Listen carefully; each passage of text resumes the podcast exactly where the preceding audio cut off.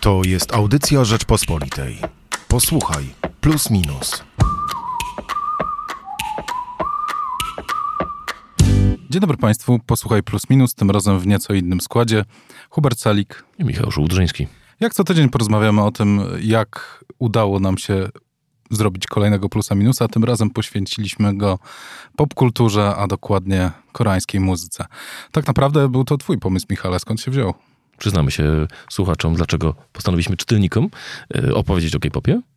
No, czekam na twoją odpowiedź, bo to twój pomysł. Myślę, że to był oczywiście efekt tej mm, głośnej sprawy w telewizji TVN, gdy w porannej audycji bohater czy wokalista K-popu stał się mm, przedmiotem sądy ulicznej e, i wówczas stało się coś niezwykłego. E, do stacji telewizyjnej nagle zaczęły napływać tak silne głosy, taka fala głosów oburzeniem, że ktoś nie rozumiejąc K-popu zaczyna się z niego wyśmiewać, że stacja zdecydowała się zwolnić reportera, który przeprowadzał uliczną sądę, a prowadzący poranny program, dwójka dziennikarzy, w kilku miejscach, między innymi w mediach społecznościowych, za swoje zachowanie przepraszała.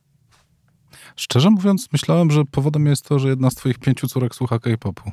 Nie, niestety, e, niestety nie to jest powodem, e, ponieważ jeszcze żadna z nich K-popu nie słucha. Tym bardziej, że jak mówią eksperci od K-popu e, w kilku materiałach, które mamy mm, w najbliższym plusie minusie, jest to muzyka dla osób troszkę starszych. Nie do 12-13 roku życia, ale właśnie między 14 a 20 rokiem życia. W związku z czym numer, który zrobiliśmy, e, ma tytuł roboczy Świat tańczy jak Korea mu zagra. E, miliony fanów na całym świecie słuchają K-popu. E, okazuje się, że jest to tak naprawdę produkt stworzony pod gusta wpierw koreańskiej, później azjatyckiej, wreszcie amerykańskiej publiczności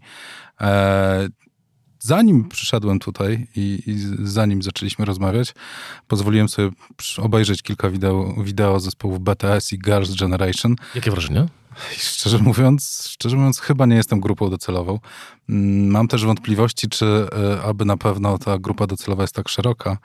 E, mm, w naszym mm, kolejnym magazynie Jacek Cieślak e, w swoim tekście Ofensywa Kultury opisuje, jak doszło do tego, jak, do tego że K-pop stał się tak popularny, jak został wyprodukowany, stworzony, kto za tym stoi i, i o tym, że tak naprawdę chodzi o pieniądze czy wśród tych tekstów, a mamy ich aż cztery, włączywszy bardzo interesujący wstępniak Bogusława Hraboty, e, jest jakiś, który twoim zdaniem jest e, wyjątkowo ciekawy? Tu są dwa zagadnienia, które pojawiają się w różnych tekstach. Pierwsze to, jak to było możliwe, że muzyka pochodząca z miejsca całkowicie nam odległego, kulturowo, językowo i z wielu innych powodów, i też nazwijmy to etycznie religijnie, no bo tam zupełnie inne są zwyczaje, co zresztą y, dobrze opisuje reportaż Anety Wawrzyńczak, opisujący jak zdyscyplinowani są fani K-popu, nie cierpią skandali obyczajowych, y, nie cierpią używek swoich fanów. To pokazuje, jaka, jest, jaka to inna, o jakiej innej kulturze mówimy. Ale właśnie to dla mnie jest fascynujące. Jak to się stało, że muzyka z tak odległego od nas y, zakątka świata podbiła cały świat, przekroczyła te granice kulturowe, jak podbiła Stany Zjednoczone. To o tym pisze też, też Jacek Cieślak. Mm, a drugie ciekawe zjawisko to właśnie było to, o czym powiedziałeś, że to maszynka. Tak, bo to wygląda na to, że to jest prawdziwy przemysł, że jest to działanie władz, które postanowiły pomóc e, przemysłowi rozrywkowemu stworzyć produkt eksportowy obok Hyundai'a czy, czy Samsunga. I w bardzo umiejętny sposób przez lata kształciły menedżerów kultury, kształciły mm, specjalistów od PR-u, specjalistów od optymalizowania e, tego przemysłu, bo jak opisuje właśnie Jacek Cieślak, to nie tylko muzyka, to też koncerty, to też seriale, to też gadżety i calusieńkie to zaplecze komercyjne, na którym, na którym gigantyczne wytwórnie zbijają pieniądze. Jeżeli dobrze pamiętam, tylko 25% e, ich zysków to są, e, pochodzą ze sprzedaży samych płyt. Cała reszta to jest ten przemysł dodatkowy. Właśnie rozbicie na dwie kategorie, na dwa elementy, e, wydaje mi się to bardzo ciekawe. E, w tekście Jacka pojawiają się wypowiedzi e, przedstawicieli, koreańskiego rządu, którzy mówią między innymi e, o tym, że jest to renesans koreańskiej kultury. E, natomiast mam wątpliwości, czy to jest eksport kultury. E, przynajmniej przesłuchawszy te parę utworów, wydaje mi się, że jest to, mm, jest to w jakiejś mierze prawie perfekcyjny produkt, skierowany do bardzo konkretnego odbiorcy. E, mm, wygląd artystów, e, praca nad choreografią, cały system lokowania produktów. E, to w jakiejś tam mierze przypomina w doskonalszej wersji to, co się działo w muzyce w latach 90. E, dla nieco starszych, czyli tak zwanych boomersów. Takie zespoły jak Backstreet Boys, NSYNC, Take That, Spice Girls wciąż wiele mówią. To też były dopracowane produkty. E, I e, słuchając tych piosenek koreańskich, mam jednak wrażenie, e, że nie o kulturę tutaj chodzi. Nawet jeśli uznamy, że, że jest to kultura masowa, to też pytanie, tutaj Jacek Cieślak też stawia tez dotyczące tego, czemu Polacy się nie uczą na, na, na, na takich rozwiązaniach, nie budują strategii, jak eksportować swoją kulturę. Mam jednak takie wrażenie, że koniec końców trzeba rozróżnić między kulturą niską a kulturą wysoką. Ta kultura jest bardzo masowa. Ona w swoim wydźwięku przypomina to, co robią teraz e, na scenie, nie wiem, Taylor Swift, Ariana Grande, e, czy chociażby, nie wiem, Dua Lipa. E, to są, to są produkty. Oni pięknie wyglądają, pięknie tańczą. Nawet ten perfekcjonizm dotyczący ich zachowania na co dzień, to też jest w jakiejś mierze produkt. I wydaje mi się, że, że chyba nie jest to droga, którą e, Polska powinna iść, jeśli chodzi o promocję kultury. Powinna promować jednak rzeczy trochę wyżej spozycjonowane, między innymi dlatego, że e, kultura azjatycka e, jest kulturą, która ma bardzo wielu odbiorców. Kultura, kultura polska tych tak wielu odbiorców może nie mieć. Chyba, że byłby to właśnie masowy produkt, a, a tutaj Bogusław Hrabota w swoim felietonie tłumaczy, że szansa disco polo na ekspansję światową została zmarnowana. No ale może nie zostały zmarnowane jeszcze szanse takich instytucji jak na przykład Polska Fundacja Narodowa na wykreowanie takiego produktu. Myślisz, że e, spece od mm, tego, jak przekuć miliony złotych e, budżetu, mm, daliby sobie radę z wykreowaniem jakiegoś nowego produktu? E, nie jestem pewien, na co te miliony złotych spece w fundacji przekuwają.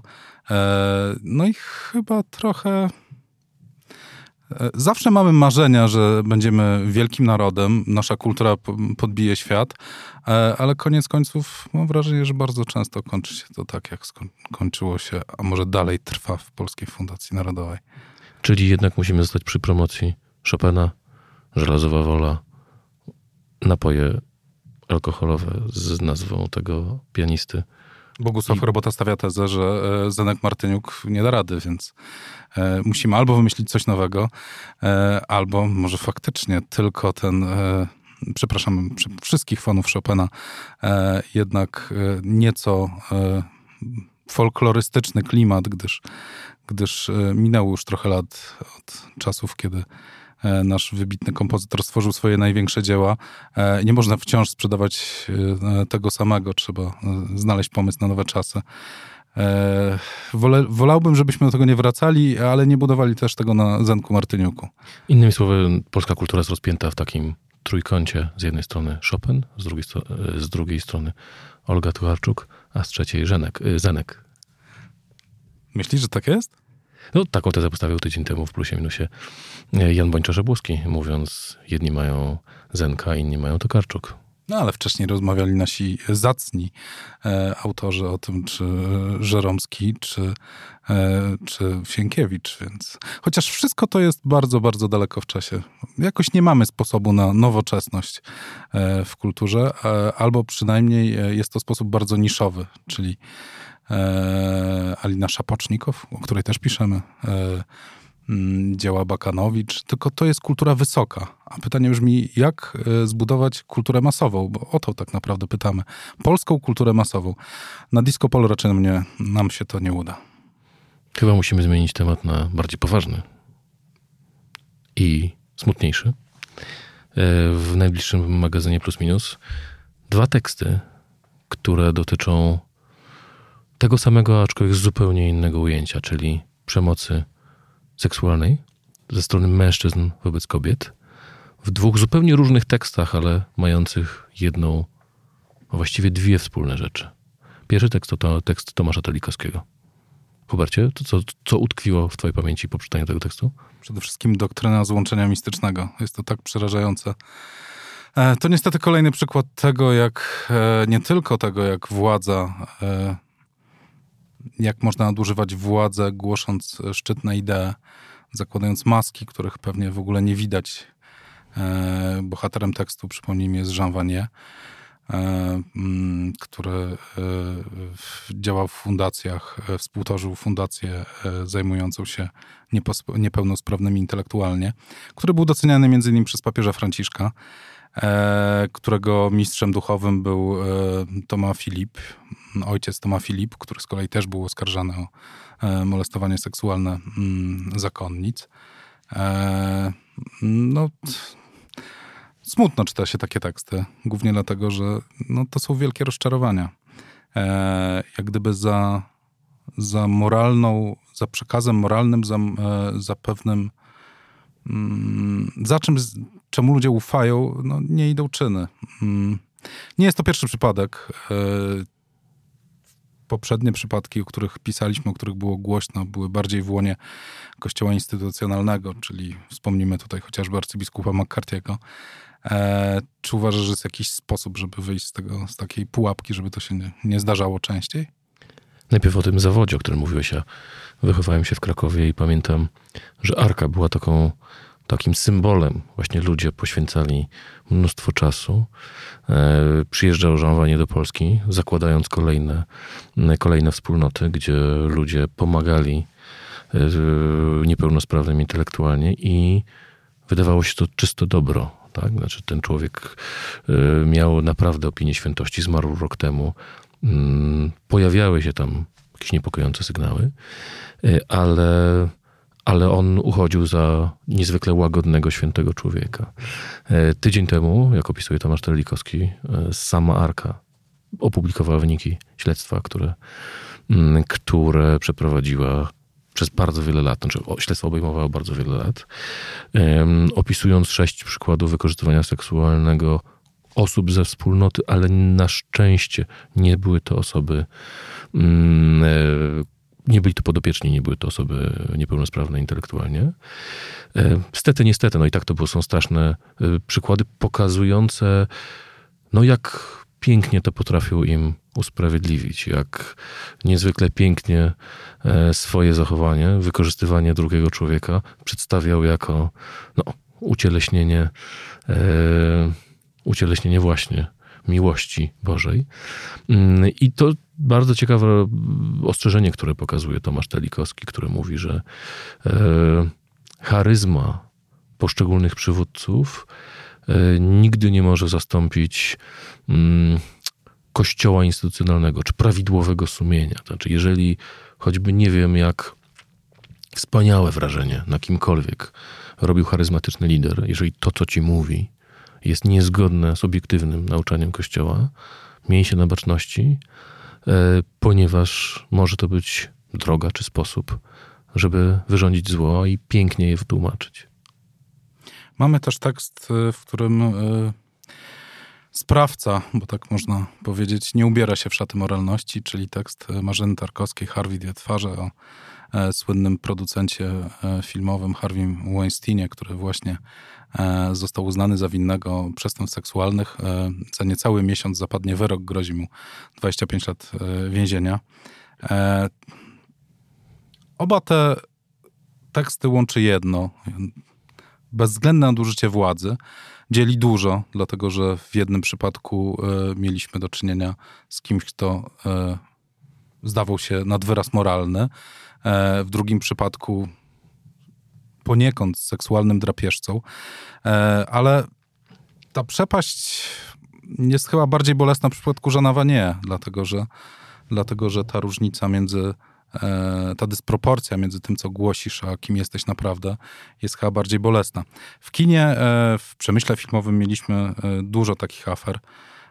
Niektóre dotyczą bezpośrednio ludzi związanych z polską kinematografią, nawet jeśli na obczyźnie, czyli wspomnimy tu Romana Polańskiego, który E, e, który jest ścigany przez amerykański wymiar sprawiedliwości, czy chociażby Klausa Kińskiego. E, zwykle są to historie mężczyzn nadużywających swojej władzy. Polecamy oba te teksty. Oba są, no niestety, są trudne i, i dosyć przerażające. Ale jest też coś, o czym nie napisaliśmy.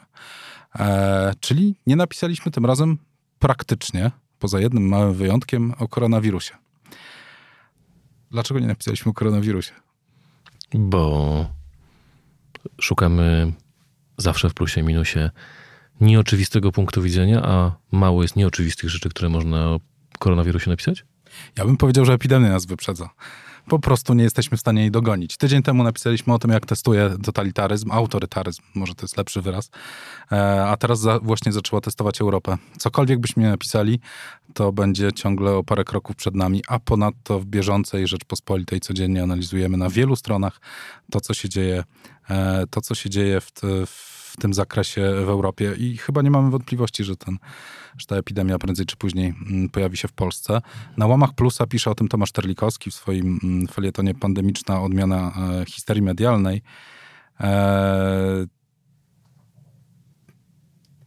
a poza tym jest jeszcze jeden tekst, który przykuł twoją uwagę, o którym chciałeś też porozmawiać. Tak, bo e, wyprzedza cykl tygodnikowy oczywiście wyprzedza y, pandemia czy epidemia, y, ale wyprzedza też kampania wyborcza. Ale mimo to, ponieważ w weekend odbywać się będą wydarzenia duże polityczne, będziemy mieli mm, w ten weekend zarówno y, konwencję wyborczą Platformy, PSL-u, będzie wielka konferencja PiSu. Mm, Michał Kolanko przedstawia nam sylwetki głównych sztabowców, kto stoi, kim są te figury na szachownicy e, prezydenckiej, e, czyli kto tak naprawdę odpowiada za kampanię wyborczą e, poszczególnych kandydatów. Myślę, że to nie tylko ciekawy przewodnik dla osób, które mm, fascynują się kulisami polityki, ale też pokazanie tych osób. Myślę, że jest mm, takim elementem e, pokazującym, dlaczego wszystko się może w tej kampanii wydarzyć. I pewnie będziemy o tym jeszcze sporo pisać. Ten i jeszcze wiele innych bardzo ciekawych tekstów w najbliższym wydaniu Plusa Minusa. Serdecznie Państwa zapraszamy do kiosków i innych doskonałych punktów sprzedaży, które, które sprzedają nasz świetny tygodnik. Bardzo dziękuję, Hubert Celik i Michał Szłudrzyński. Do usłyszenia. To była audycja Rzeczpospolitej.